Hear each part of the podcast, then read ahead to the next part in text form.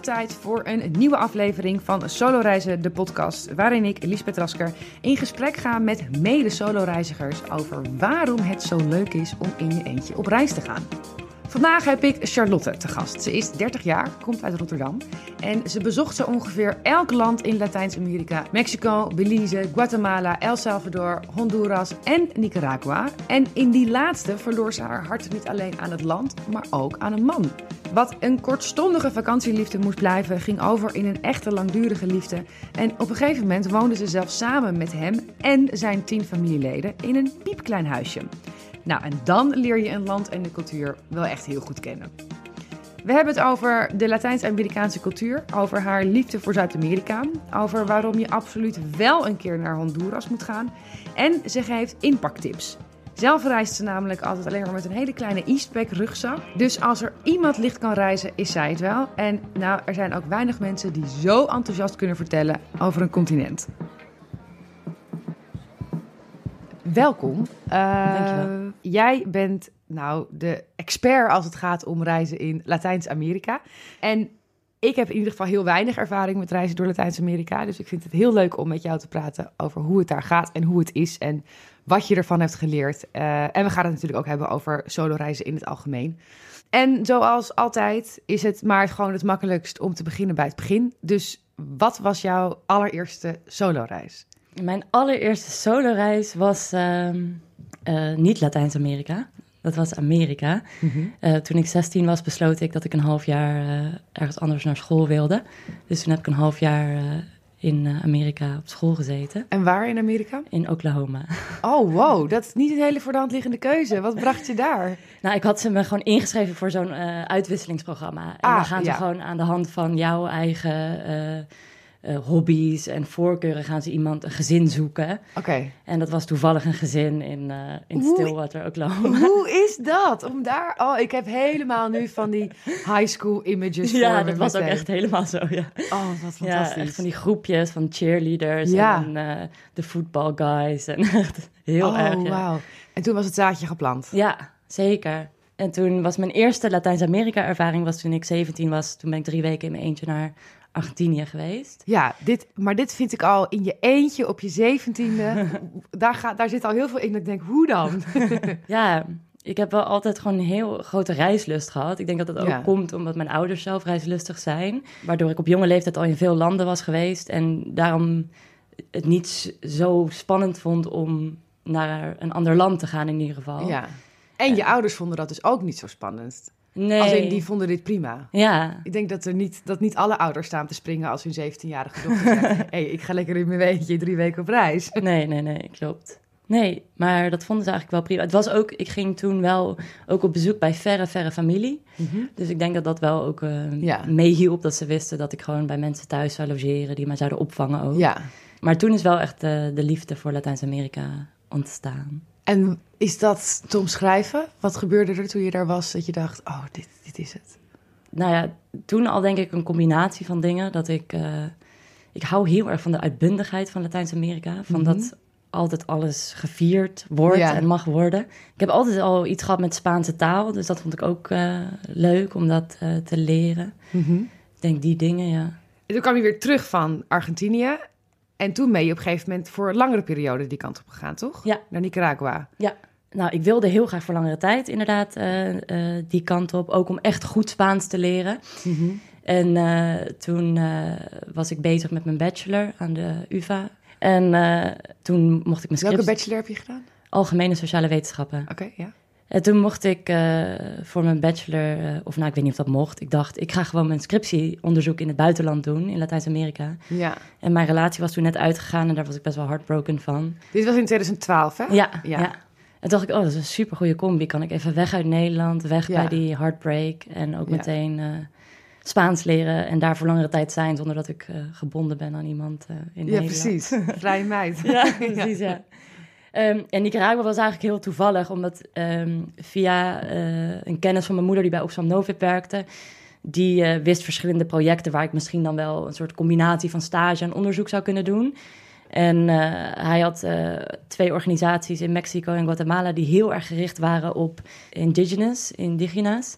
Ik was meer op zoek naar iets algemeners wat paste ook bij mijn studie. Mm -hmm. En toen kwam ik uit bij een mensenrechtenorganisatie in Nicaragua. Ja. En toen dacht ik, dit klopt gewoon. Ja, de puzzelstukjes vielen op ja. hun plek. Ja. En toen pakte je je spullen en toen ging je daarheen en toen kwam je aan. En wat gebeurde er toen?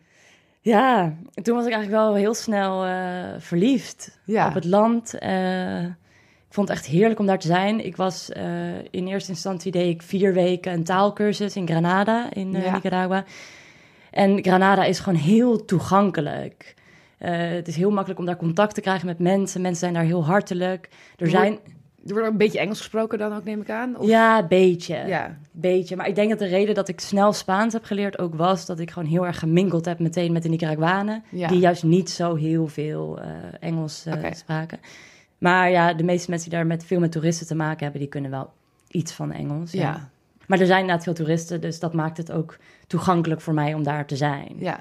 En je hebt daar, als ik, als, ik, als ik het goed begreep, een stage gelopen ook. Maar daar heb je best wel een, een bijzonder project ook mee geleid. Hè? Met, Ja. Voor jongeren over seksuele en reproductieve rechten. Ja, In een bijzonder conservatief katholiek land. ja. Hoe, hoe, ging, hoe was dat? Ja, in eerste instantie best wel lastig om goed mijn weg erin te kunnen vinden, omdat ik natuurlijk ook zelf nog Spaans aan het leren was. Ja. Dus ik voelde van, oh, ik ben en over best wel een, een moeilijk thema eh, aan het praten in een taal die me nog niet echt eigen is. Ja. Dus op een gegeven moment had ik eh, een uh, tolk gevonden of iemand die genoeg Engels sprak waar ik goed mee kon communiceren, die voor mij ook een beetje kon helpen met die interviews. Ja, het was vooral schrijnend om te zien dat jonge mensen dus wel heel erg bereid zijn om naar dit soort onderwerpen te kijken en over dit soort onderwerpen te praten, maar zich ook soort van gevangen voelen door uh, de katholieke kerk en Ja. door dat de politiek daar ook zo'n band heeft met de katholieke kerk, Ja. waardoor het ook een soort van uitzichtloos is of zo. Ja. Voelde jij dat ook zo? Of voelde zij dat vooral zo? Ja, ik voelde dat zelf ook wel. Want ik heb daarna dus ook nog bij de ambassade gewerkt, waar ik Ja. verder ben gegaan met hetzelfde onderwerp. Ja, en daar heb je acht maanden gezeten. Ja, dat was eigenlijk ook een mooie link, waardoor ik daar eh, ook met dat thema aan het werk kon. Ik, ja, het voelde ook zo dubbel om dan vanuit mijn Nederlandse eh, vrijgevochten perspectief Ja. daar te gaan praten over dit onderwerp. Ja. Terwijl het voor mij eh, super vanzelfsprekend is geweest dat ik gewoon aan de pil kon en dat Ja. je gewoon daarover kon praten en over in gesprek kon. Terwijl dat daar niet zo is. En ook al was er wel, nou ja, er waren veel meisjes die dan op hun zestiende, zeventiende, soms vijftiende al kinderen hadden gekregen. Die dan wel de toekomst wilden veranderen. Zo van, oh, ik wil niet dat mijn dochter ook op haar zestiende eh, moeder wordt. En tegelijkertijd om dan te praten over dat zij dan wel gewoon naar een apotheek kunnen lopen om daar de pil te halen. Dat was dan onvoorstelbaar. Ja. Maar ik kan me wel voorstellen eh, dat het voor jou in ieder geval heel interessant is geweest... om meteen zo diep die cultuur ingegooid te worden. Ja, echt super interessant. Ja. Ja. Ja, en het was echt fantastisch ook omdat ik eh, ging eh, allemaal vrouwen interviewen bij vrouwenrechtenorganisaties die zich dus inzetten voor de rechten van vrouwen, ook tegen de overheid. En die vrouwenorganisaties zitten ook allemaal in hele afgelegen dorpjes en zo. Dus ik Ja. ging ook in mijn eentje het hele land door om eh, bij die organisaties te komen en die mensen te interviewen en te spreken. Dus dat was echt wel heel bijzonder om zoveel van Nicaragua te zien Ja. en mee te maken. En op een gegeven moment heb je iemand ontmoet. Ja. je gaat er helemaal... Want ik zei het al, je verloor je hart aan land, maar ook aan man. Ja, klopt. Wie was, wie was? Vertel, wat, hoe zat dit? Want je hebt vier jaar lange knipperrelatie Ja, gehad ja. met een Nicaraguaan. Ja, smullen. Eh, ja, want ehm, ik zag natuurlijk allemaal Nederlandse meisjes daar verliefd worden op Nicaraguaanse jongens. En toen dacht ik gewoon, dat gaat mij echt niet gebeuren. Zo, zo naïef ben ik niet. Jij zag jezelf al heel snel in een aflevering van Grenzeloos Verliefd. Ja, en er was toevallig echt net een, eh, een jongen die was in Grenzeloos Verliefd geweest. oh, nee joh. Met een Nederlands meisje. Oh, wauw. Ik ben later wel nog benaderd ook door Grenzeloos Verliefd. Nee joh. Ja, Oh, juicy. dat is wel grappig, ja. Maar goed, jij, Ja. jij, jij zag al die meisjes op, op die mannen vallen en je dacht, no, no, dat gaat mij niet overkomen. Nee, precies. toen? toen? was ik klaar met mijn stage. Ik was klaar met mijn onderzoek. Ik had eigenlijk alles gedaan. En ik had bedacht, eh, ik zou... Ik had met Kilroy een open ticket geboekt. Ah, kijk aan. Ja. En dat zou betekenen dat ik dan nog kon bepalen eh, hoe en wanneer ik naar huis zou gaan. Dus het was Ja. een beetje open hoe lang ik zou blijven. En toen uiteindelijk eh, was er op de datum dat ik terug wilde geen ticket vanuit Nicaragua beschikbaar, maar wel vanuit Panama-stad. En toen dacht ik, oh, dat is best wel leuk. Dan kan Ja. ik zo mijn reis afsluiten met nog even via Costa Rica naar Panama reizen en dan vanuit daar weer naar huis vliegen. Dus ik was klaar en ik zou uh, uh, dat afsluiten met mijn collega van die, uh, die mensenrechtenorganisatie. Door een weekend te gaan stappen in San Juan de Sur. Mm -hmm. Dat is echt een beetje zo'n party town daar. En we waren de eerste avond uit en toen was hij daar. Hoe heet hij? Miguel. Miguel, ja. Natuurlijk. ja, dat weekend ben ik eigenlijk het hele weekend met hem geweest. En toen eerst zo'n soort van oh ja, vakantiefling. En uh, stelt niks voor. Ik ga gewoon uh, in de bus naar Costa Rica en zo. Mm -hmm. En toen uiteindelijk ben ik nog een week of zo bij hem gebleven. En toen uh, zei hij: Waarom blijf je niet gewoon de laatste tijd hier? In plaats van dat je nog in je eentje door Costa Rica en Panama gaat reizen. Mm -hmm. Toen heb ik daar heel lang zo ge, uh, over gedacht. Van wat zal ik doen, wat zal ik doen? en toen uiteindelijk heb ik mijn busticket verscheurd en ben ik gebleven. heel romantisch gebaar. Ja. en toen zijn we samen naar Isla do Metepe gegaan. In Nicaragua, een eiland. En toen heb ik dat dus niet aan mijn ouders laten weten. En ik had mijn telefoon... Niet? Gewoon vergeten? Niet, gewoon niet okay, aan gedacht. Ja. Gewoon niet aan gedacht. En toen was mijn telefoon uitgevallen. En ik ben dus drie dagen op dat eiland geweest met hem. En toen kwam ik terug in San Juan de Sur. Toen had ik mijn telefoon weer opgeladen. En toen had ik echt uh, ambassade in Panama, nee. ambassade in Costa Rica, ambassade in Nicaragua. Oh. Mensen van die organisatie waar ik had gewerkt, mijn ouders echt meerdere keren. Omdat zij allemaal dachten dat ik in de bus naar Costa Rica was gestapt. Dus mijn ouders dachten, waarom horen we niks van haar? Ze had al lang in Costa Rica moeten zijn. Ze had Ja. ons even moeten laten weten van ik ben veilig aangekomen in Ja. Costa Rica. Dat heb ik dus niet gedaan, omdat ik dat vergeten was. Te verliefd was om daarover na te denken. Precies, ja. Maar goed, eh, toen uiteindelijk ben ik dus tot, tot- bijna tot het eind bij hem geweest. Toen in Ja. twee dagen vanuit eh, Nicaragua naar Panama gereisd, naar huis gegaan.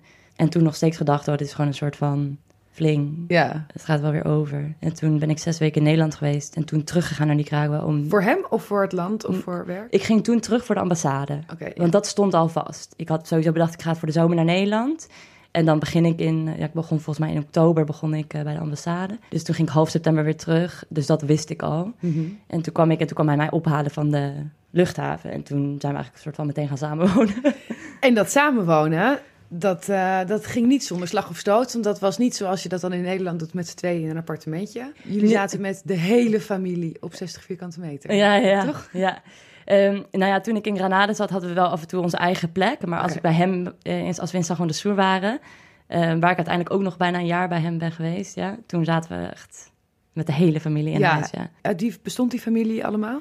Eh, vader, moeder, zus met eh, man en twee kinderen. Eh, zusje, die kreeg op een gegeven moment ook een kind. Haar vriend was er ook nog een tijdje bij, maar die is op een gegeven moment ook weer vertrokken. Dat ging weer uit. Ja. En een broertje. En dan zijn dochter ook nog af en toe aan en af en aan. Ja, Dus we hebben ongeveer tien mensen te pakken. ja, ja. En eh, op een, in een vrij klein appartement. ja, ja, het was wel een soort huisje, maar wel echt heel armoedig. Met zo'n gietijzeren dak erop. Dus Ja. niet eens een echt dak. En ook geen douche, dus echt met zo'n bak. Dat je Oh, met zo'n eh, zo'n emmertje jezelf was. Hoe was dat? Ja, ik weet niet. Ik kon me er heel makkelijk aan overgeven. Ik vond gewoon eigenlijk ook die soort van simpelheid van het leven heel fijn en Ja. bevrijdend. En wat deed jij dan toen? Yogales geven. En ik Oh, heb in ja. een hostel gewerkt. Ik heb een hostel gemanaged een tijdje daar. Ja. Ja, want dat was eigenlijk de periode dat ik dacht... ga ik nu terug naar Nederland of ga ik mijn relatie in Nicaragua nog een kans geven? Mhm. En toen heb ik eh, het tweede gekozen. En toen ben ik dus nog bijna een jaar in eh San Juan de Sur geweest bij hem. Jeetje, hoe is het om, om verliefd te worden om, op iemand in het buitenland? Om een relatie te hebben met iemand die zo ver weg woont? Ja, wel lastig. Mm. Ehm, ik zou het ook nooit iemand aanraden. Ik zou nu nooit meer tegen iemand zeggen: Oh ja, het is echt eh, is goed te doen. goed te doen. ja, los van de afstand ook gewoon uiteindelijk het cultuurverschil tussen Latijns-Amerika en Nederland is gewoon groot. Is gewoon wel Ja. heel vergelijkbaar en ook heel groot. Ehm, Nicaragua is echt een heel eh, erg macho, machista land. Ja. Dus dat maakt het ook lastig. Want de, vrouw, de man-vrouw verhoudingen, zijn, Ja. kun, je daar iets, kun je daar iets dieper op ingaan, die, die machisto cultuur? Ja, zeker. In principe is het gewoon, komt het erop neer dat vrouwen eh, het huis schoonmaken en voor de kinderen zorgen. En dat mannen mogen doen en laten wat ze willen. Ja. Om het even heel simpel eh, te zeggen. En ondanks dat ze wel ook hun best doen op een of andere manier om iets anders naar te kijken, zit dat gewoon heel diep geworteld. Ja. Dus dat hij in zijn eentje uitgaat met zijn vrienden en vervolgens eh, om zes uur in de ochtend dronken thuis komt, is prima. Maar als ik dat zou doen, dat kan niet. Weet je Nee, wel, dat is het huis te klein. Ja, precies, Ja. ja. En- Moeilijk. Ja, heel moeilijk, ja. ook elke keer een soort van de hoop dat daar uh, verandering in zou komen. Of dat hij dat wel anders zou zien of beter zou begrijpen. Dat heeft ook maar heel lang ook nog in die relatie gehouden. Maar dat kwam wel elke keer weer terug. Dat ik dacht, wat voor jou geldt, geldt niet voor mij. We hebben er veel over gevochten. Ja, ja we hebben er gewoon veel ruzie over gehad. Uh, omdat ik me niet wilde schikken. Nee. Ehm, en wat merk je daarvan in de rest, los van in je relatie, maar gewoon in het land zelf, als je daar bent? Um, nou, dat ik sowieso veel meer contact heb met mannen. Uh, dat het veel makkelijker is om contact te hebben met mannen in Latijns-Amerika. Omdat zij contact met jou opzoeken? Ja, ook. Maar ook omdat zij gewoon veel meer in het publieke leven zijn. Ja. Oh, ja. Ehm, mannen die werken met toeristen. Mannen werken in cafés, in bars, in restaurants. Ja, oh, God, uh, interessant. Er zijn weinig vrouwen. Als vrouwen op zulke plekken werken, doen ze eigenlijk altijd alleen maar het geld. zeg maar, die zitten achter de kassa het geld te doen. Omdat ja. vrouwen werken niet zoveel in het publieke leven ja, ook tijdens al dat onderzoek is, zijn vrouwen altijd in huis te vinden. Ja. En mannen die zitten altijd met elkaar ergens buiten onder een boom of in een park. Uh. En het contact wat je hebt met die mannen tijdens, tijdens de reis, hoe is dat dan? Is het, is het gewoon allemaal ontspannen? Of zit er ook dat die, die machizo in van dat er toch een soort uh, ja, eergevoel de hele tijd tussen hangt? Of? Nou, dat niet zozeer, maar het is wel zo dat ze altijd misschien wel ergens op uit zouden kunnen zijn. Ja, dus je moet een beetje op je hoede zijn misschien. Ja, en als, ja, ik kon op een gegeven moment dat ook wel heel erg gewoon een beetje omlachen. En dat meer gewoon zien als, oh ja, dit is gewoon hun manier van contact maken ook. En dan verder niet ingaan op dingen. Maar uh, ja, ze zijn wel enorme charmeurs, ja. ja. Zijn er nog een paar andere van dit soort culturele verschillen... waar je, of in ieder geval heel erg typische culturele dingen... die je, die je hebt geleerd doordat je zo lang in dat land hebt gezeten? Um, ja, ik weet niet of dat per se Latijns-Amerika eigen is. Volgens mij is dat op heel veel plekken... waar mensen, mensen ook minder hebben, uh, speelt. Maar wat ik uh, heel erg heb meegenomen is dat altijd alles gedeeld wordt dat nooit iets alleen maar voor jou is. Ja. Uh, dat dat gewoon echt zo ingebakken zit. Dat als je meer hebt dan je buren, dat je het met je buren deelt. En ook door inderdaad bijvoorbeeld met al, die mensen in één huis te wonen, dat iedereen elkaar ook uh, in zijn waarde kan laten op zo'n plek. Zeg maar, ik kan me niet bedenken dat ik met mijn eigen ouders en mijn broer en zijn vrouw en die kinderen allemaal in één ja. huis zou wonen. Ja. Terwijl dat daar heel gemakkelijk was en ja, gewoon... Iedereen laat elkaar dan ook gewoon een beetje leven. En ja, ja. ja, precies. Ja. Iedereen uh, laat elkaar leven. Iedereen loopt bij elkaar in en uit. Ja. Gewoon de deur staat altijd open en iedereen deelt alles met elkaar. En dat... Nee. En het, uh, uh, en het roddelen? Ja. Want dat mailde je me ook. Hoe, ja. hoe, hoe, hoe, zit dat? Ja, ik heb het gevoel dat dat ook echt heel belangrijk onderdeel is van de Latijns-Amerikaanse cultuur. Dat mm -hmm. mensen gewoon enorm dol zijn op uh, roddelen en achter, achterklap, noem je dat zo? ja, roddel en achterklap, ja. Daarom denk ik ook dat die uh, telenovelas in Latijns-Amerika zo enorm populair zijn en daar de ook... soapseries. Ja, ja, ja, daar vandaan komen. Omdat ja. ze gewoon echt dol zijn op drama en... Ja. Uh, en ik denk dat het ook een soort bezigheidstherapie is. Dus dat gewoon als je de hele dag een soort van in je uh, schommelstoel bij je huis ja, zit, dat je dat gewoon doet. Over het doorpraten en wat je daar ziet ja. en uh, meemaakt. Maar het was wel echt. Ik ging ergens zitten op het terras en dan wist mijn vriend die heel ergens anders was, wist waar ik was. Ah, dat werd doorgeappt. Dat werd gewoon doorgeappt en doorgesmoest. Uh, maar ik kon echt geen stap zetten. Zeker in San Juan de Soers, een heel klein dorp zonder dat hij wist waar ik was, met wie ik was en wat ik ja. aan het doen was. Hoe, hoe is dat dan voor jou? Ja, echt, soms wel heel vermoeiend vond ik dat, ja. ja. ja. Want je komt over als een bijzonder zelfstandig mens. Ja. En dan zit je toch opeens in een soort, in een, in een heel conservatief land. Mm -hmm. uh, waarbij je ook op die manier in de gaten gehouden wordt. Ja. Hoe, hoe, hoe, hoe is dat? Uh, pittig wel, ja. Dat vond ik ja. wel pittig, ja.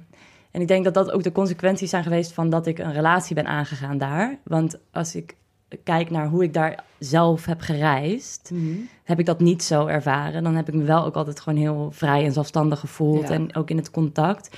Maar inderdaad, door gewoon een relatie aan te gaan met iemand uit Nicaragua, heb ik veel meer dat echt ondervonden, hoe, Ja. dat, hoe, hoe dat is. Als backpackende toerist kun je nog zo je verdiepen en, en betrokken zijn, maar je blijft altijd een beetje aan de zijlijn, terwijl jij er nu natuurlijk echt het first in bent gegaan Ja. en onderdeel werd van die cultuur. Ja, precies, ja. Ik zeg ook altijd nu, ik was nu in Nicaragua ehm, afgelopen oktober. En ik voel dan ook gewoon aan alles dat ik denk, ik snap gewoon heel goed hoe jullie denken en zijn. En gewoon- Wel ook heel waardevol. om dat te ja, het is wel ook wel heel bijzonder, ja. Ja. Gewoon, ik weet eigenlijk al wat ze willen zeggen voordat ze überhaupt hun mond hebben opengedaan. Gewoon, ik ken het gewoon zo goed. En weten zij, merken zij dat ook aan jou? Ja. Ook als ze maar... zij dat? Ja, wel grappig. Soms ook een beetje confronterend. Ja. Maar ook wel, ze kunnen er ook wel om lachen. Mhm. Ehm, want ik zeg ook altijd, ja, ik, ik, zie er niet zo uit, maar ik ben van binnen ook een beetje Nika. Ja. Dus uh, dat vinden ze ook wel leuk. En ook de manier waarop ik Spaans spreek is best wel Nicaraguaans Spaans. Ja. Dus ze kunnen ook goed horen dat ik mijn Spaans in Nicaragua geleerd heb. En dat vinden ze ook natuurlijk uh, wel ook heel leuk. Ja, wat leuk. We gaan zo meteen verder over jou, uh, over het reizen en het backpacken. En niet alleen over Nicaragua, maar überhaupt Latijns-Amerika. Ja. Maar eerst gaan we even naar de media tip.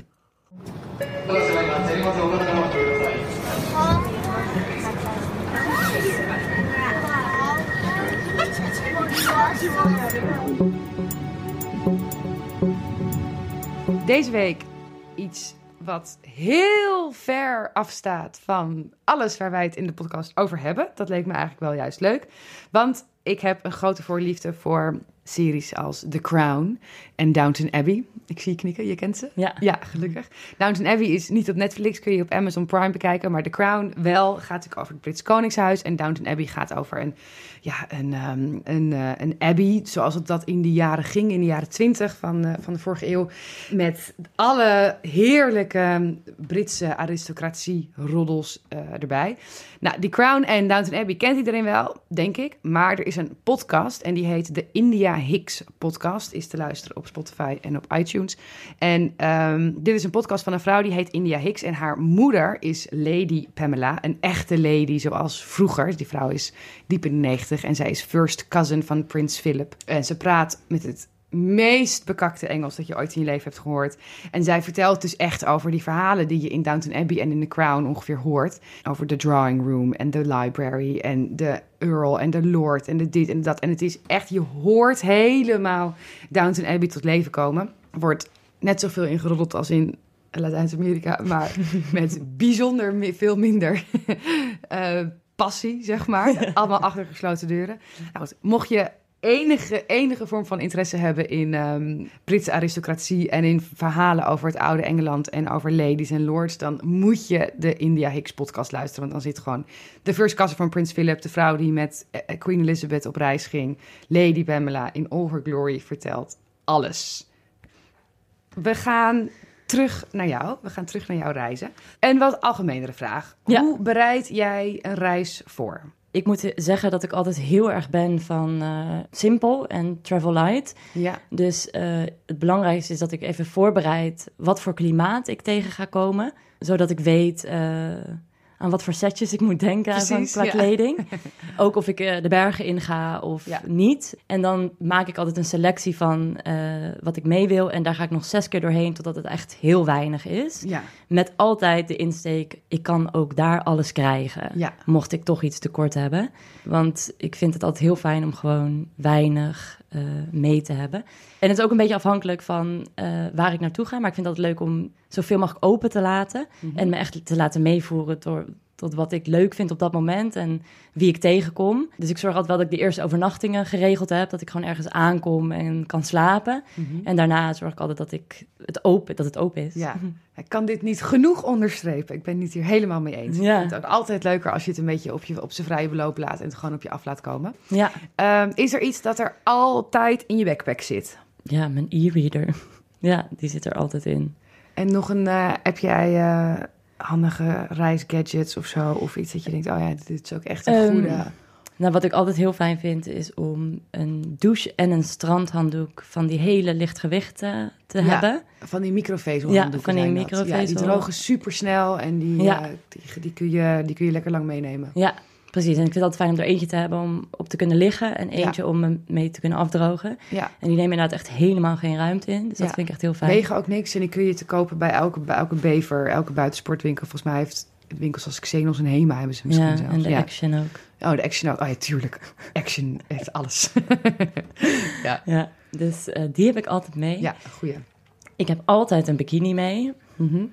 Ik zorg altijd dat het gewoon weinig is. Ja. Dat vind ik eigenlijk altijd belangrijk. En hoe weinig is weinig ongeveer? Wat, wat, voor, een, wat nou, voor een backpack heb je? Zie je, zo, zie je zo'n Eastpack rugzak voor je? Ja, die gewoon die... op de middelbare school wel eens Zeker, op mijn netvlies gebrand. Nou, ideaal is dat wat ik meeneem. Alles? Ja, en als ik dan weet van oké, ik ga ook de bergen in en ik ga ook naar heel koud klimaat, dan is het misschien een iets grotere rugzak. Van 40 liter dan? Ongeveer. Nou, ook dat haal ik volgens mij niet eens. Nee. Oh, wauw. En ik dacht dat ik wel licht kon reizen, maar ja, ja met een, met een, alleen met een Eastpack.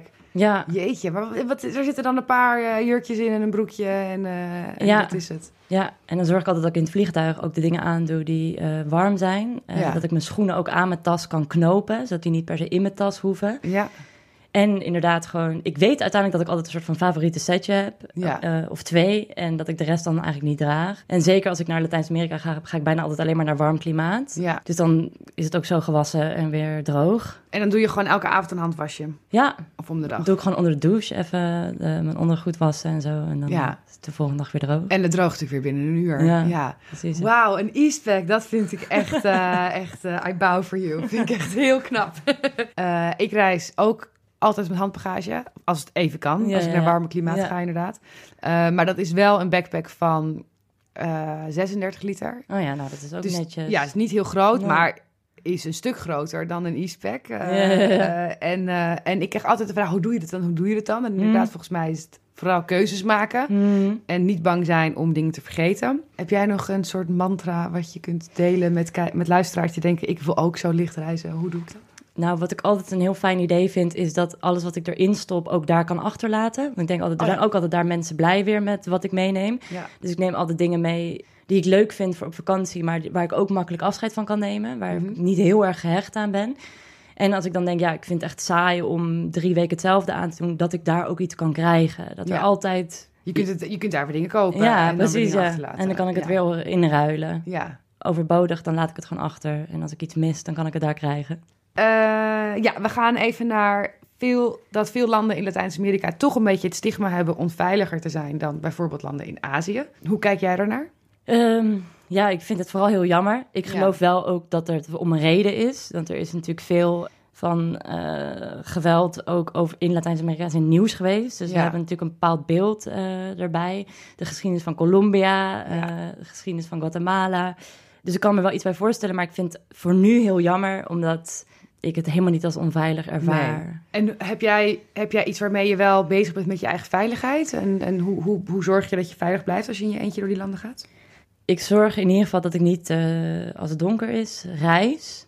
En dan bedoel je met de bus? Of van de- één plek naar een andere Ja, plek, ja. Dus ja. dat ik dat altijd overdag doe. Ja, Ik heb ook wel veel soort van aangehaakt. Weet je, als ik dan een leuk kletspraatje had met iemand in een bus... dat dat gewoon even zo dan mijn reismaatje is. ja, heb ook altijd gemerkt dat er vooral heel veel goede mensen zijn. ja. Dus dat ook mensen je echt wel vertellen van... beter niet naar die buurt, beter niet die kant op... beter Ja. niet in je eentje van daar naar daar. Ja, dus advies vragen aan mensen die weten waar ze zijn Ja. en die ervaring ermee hebben. Precies, ja. En ik heb echt in Latijns-Amerika alleen maar ervaren dat mensen je dat ook uit zichzelf gewoon vertellen. Want ook op plekken in Honduras bijvoorbeeld, in San Pedro Sula, de hoofdstad Tegucigalpa. Iedereen zegt dat het echt levensgevaarlijk is daar en zo. Maar zodra je daar op het busstation bent, is iedereen super vriendelijk en zeggen Ja. mensen ook echt wel waar je wel en niet heen moet. En er zijn er gewoon bepaalde buurten waar je inderdaad beter... Beter niet heen kan. Ja, En er is ook niet echt een reden om daarheen te gaan. En verder heb ik echt vooral heel erg het idee dat mensen heel behulpzaam zijn. Ik denk dat het scheelt dat ik op een gegeven moment echt wel goed Spaans eh, Ja. heb geleerd. Dus Ja. dat ik dan ook gewoon makkelijk kan zeggen van laat me met rust of hier ben ik niet eh, naar op zoek. ja. Maar eigenlijk vanaf het begin af aan heb ik eigenlijk nooit echt, echt Nee. vervelende dingen daarmee meegemaakt. Nou, wat fijn. Ja. ja, ze kunnen wel heel erg naar je fluiten en sissen en naroepen. En, Nou ja, dat kan voor sommige mensen ook al heel intimiderend zijn. ja, Maar dat, ja, ja. dat, je zegt, daar moet je gewoon, dat moet je naast je neerleggen, niet op ingaan. Ja, ja, en op een gegeven moment af en toe kan het wel een beetje een soort van gekmakend zijn. Maar het is, het is niet dat... Ik heb het nooit echt als intimiderend of zo Nee. verder ervaren. Ja, wat ik ook nog denk is dat als je op, eh, alleen op reis bent... ben je natuurlijk ook wel vaak gewoon onder de mensen. Dus het is ook niet zo dat je dan in je eentje de hele tijd... Ja, nee, van absoluut. Ja. geïntimideerd of nagefloten Ja. wordt. Maar dat je vaak met andere mensen bent. ook. En slijp je veel in hostels als je reist? Of veel bij mensen thuis, in guesthouses? Of... Ehm, wel een combinatie. Het ligt er een beetje aan. Ik heb eh, laatste, mijn laatste solo-reis in eh, Centraal-Amerika. heb ik wel veel in hostels geslapen. Mhm. Maar ik ben ook altijd wel avontuurlijk. Dus als iemand mij een slaapplek aanbiedt, eh, gewoon ergens thuis, dan Ja. zeg ik daar wel altijd ja tegen. Ja. Maar ik heb de afgelopen laatste keer wel veel in hostels geslapen, ja. Ik Ja. weet niet of ik dat nu nog echt alleen maar zou eh, doen, maar... Want, waarom niet? Nou ja, ik vind... eh, Speak, speak your mind. ja? Oké. Nee, mag je hoor. Ja. Nou, ik vind wel ook hostels heel erg horen bij die backpackersfase of zo. Ja. En ehm, ik was nu dus de laatste keer ook op reis. En ik merk dat ik het gewoon ook heel lekker vind om een eigen kamer te hebben. Ja. Met een eigen douche. Dus dat ook op een gegeven moment die fase weer een beetje voorbij voelde. Ja.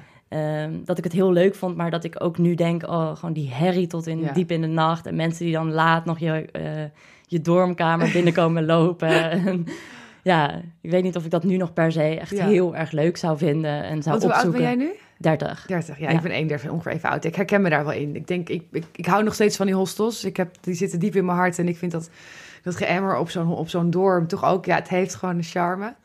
Maar ook ik denk af en toe... Nou, nu wel weer even tijd voor een privékamertje. Ja, ja, ja. Maar ik vind het soms wel... Ik vind vooral hostels leuk tijdens dat solo-reizen... Omdat ze, omdat ze zo sociaal zijn. ja, En als ik te lang in alleen maar Airbnb's, guesthouses of homestays slaap, dan soms voel ik dat ik dan toch een beetje vereenzaam, omdat ik dan echt alleen ben de hele tijd. Hoe, hoe doe jij dat? Nou, dat vind ik eigenlijk wel heel herkenbaar wat je zegt. Want ik kan me herinneren dat ik eh, vanuit Nicaragua naar Honduras reisde. En Honduras is een beetje zo'n onbereisd land. Ja. Iedereen slaat het eigenlijk over. Ja. eh, omdat iedereen het ook spannend vindt om in Honduras te zijn. Ja, het heeft geen goede reputatie. Geen goede Nee. reputatie, nee. En ik dacht, ik wil gewoon niet die backpacker zijn die alleen maar naar Utila gaat, weet je wel? Waar En dat is, wat is wel een hele populaire plek. ja, dat is waar iedereen gaat duiken. Dat zit vol met backpackers. En Oké. Ik dacht, ik wil echt even dit land ook echt een kans geven. En Ja. niet eh, naar Utila en dan door. Maar ik voelde dat ook, want ik kwam nergens backpackers tegen. Dus toen voelde ik inderdaad ook die eenzaamheid. Van, oh ja, ik ben nu alleen maar onder de locals en bij mensen. Ja. Dus toen ben ik inderdaad naar Utila gegaan. Ja. Puur omdat ik dacht, ik heb echt behoefte gewoon om weer even onder de sociale backpackers te zijn. Met wie ik gewoon even... Nou, Even een biertje drinken Ja, precies, ja, ja. Dat, zijn hele, dat zijn wel belangrijke dingen, denk ik Ja, inderdaad. zeker, ja. Ja, Dus dat heb ik toen ook heel sterk ervaren. Dat het wel af en toe echt een soort van verademing kan zijn. Ook om in zo'n hostel een beetje gewoon onder de mensen te zijn. En, eh, dus zeker, ja. En die, eh, die eenzaamheid, eh, eh, kom je dat wel eens tegen tijdens een reis? Dus wat je, wat je net vertelt. En zijn er ook andere momenten geweest waarop je denkt... oh ja, dit is, dit is een punt van eenzaamheid. Het, is me niet, het komt, overkomt me niet heel veel. Ik heb ook niet heel vaak last gehad van heimwee. Ik had altijd een soort van tien maanden grens. Dat als ik Ja. tien maanden in het buitenland was, dat ik dan dacht... nu wil ik weer naar Nederland. Ja, Maar inderdaad wel eh, dat als ik dan veel alleen maar onder de Nicaraguanen was geweest bijvoorbeeld... dat ik dan heel veel zin had om gewoon even Nederlands te praten. ja. Of inderdaad gewoon even met in zo'n hostel een biertje te drinken... en even toch ook een stuk van mezelf weer te voelen of zo. ja. Dat herken ik wel, dat het af en toe fijn is om gewoon even Nederlands te kunnen zijn. ja. Ehm, ga, je, ga je alleen uit eten? En hoe vind je dat? Nee, eigenlijk heb ik dat nog nooit gedaan. Nee? Of misschien... Nou, dat, doe je, dat gebeurt daar dus niet zo vaak. Nee, wat je ik- zei, ja. nee, volgens mij heb ik dat echt nog nooit gedaan. Of misschien heb ik dat één keer gedaan, maar niet op reis. Nee.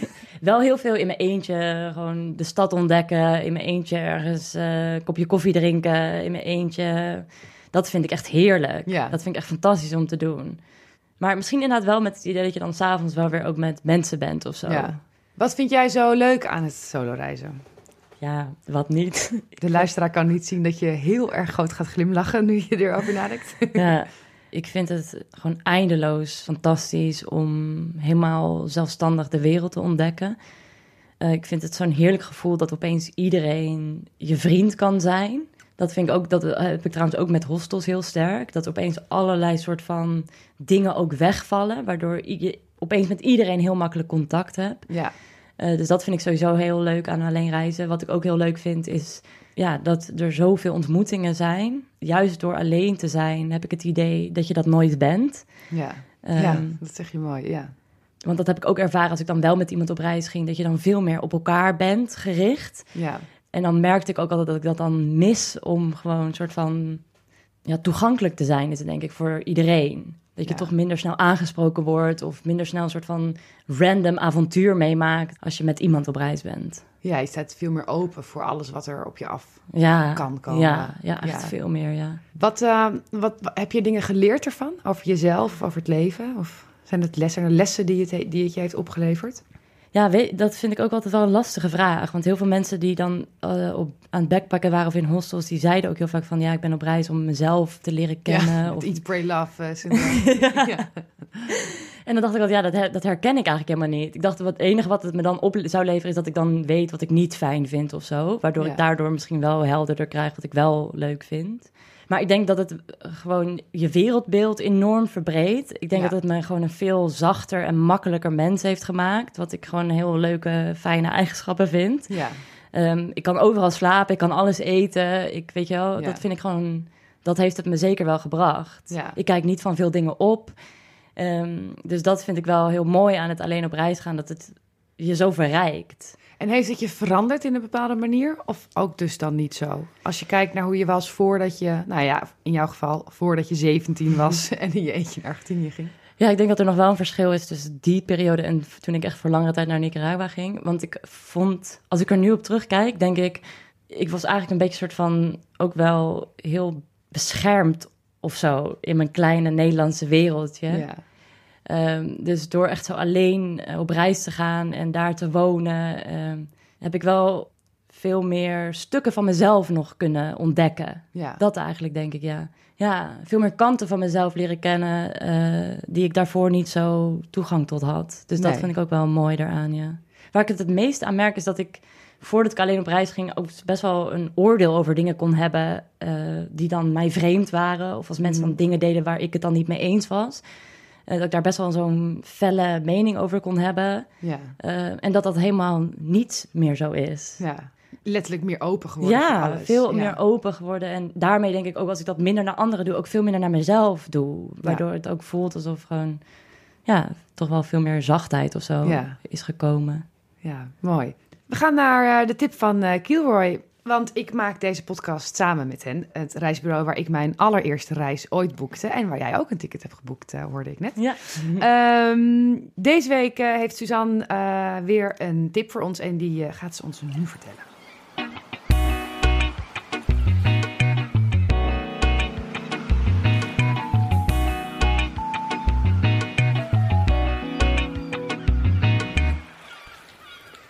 Dit is Suzanne. Ik ben reisspecialist bij Kilroy. Kilroy is een reisbureau dat gespecialiseerd is in verre en avontuurlijke reizen.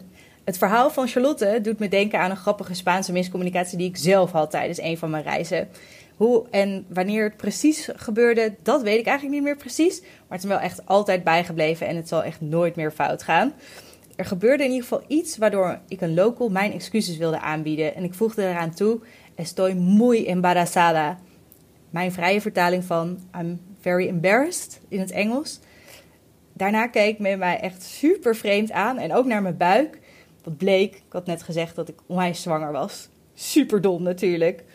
Dus mijn tip is eigenlijk: neem aan het begin van je reis altijd even Spaanse lessen. Dan wordt het reizen door Latijns-Amerika een stuk makkelijker en kan je ook je reisloffer nog eens verstaan. Wil je er meer over weten? Kom gewoon even bij ons langs of check onze website.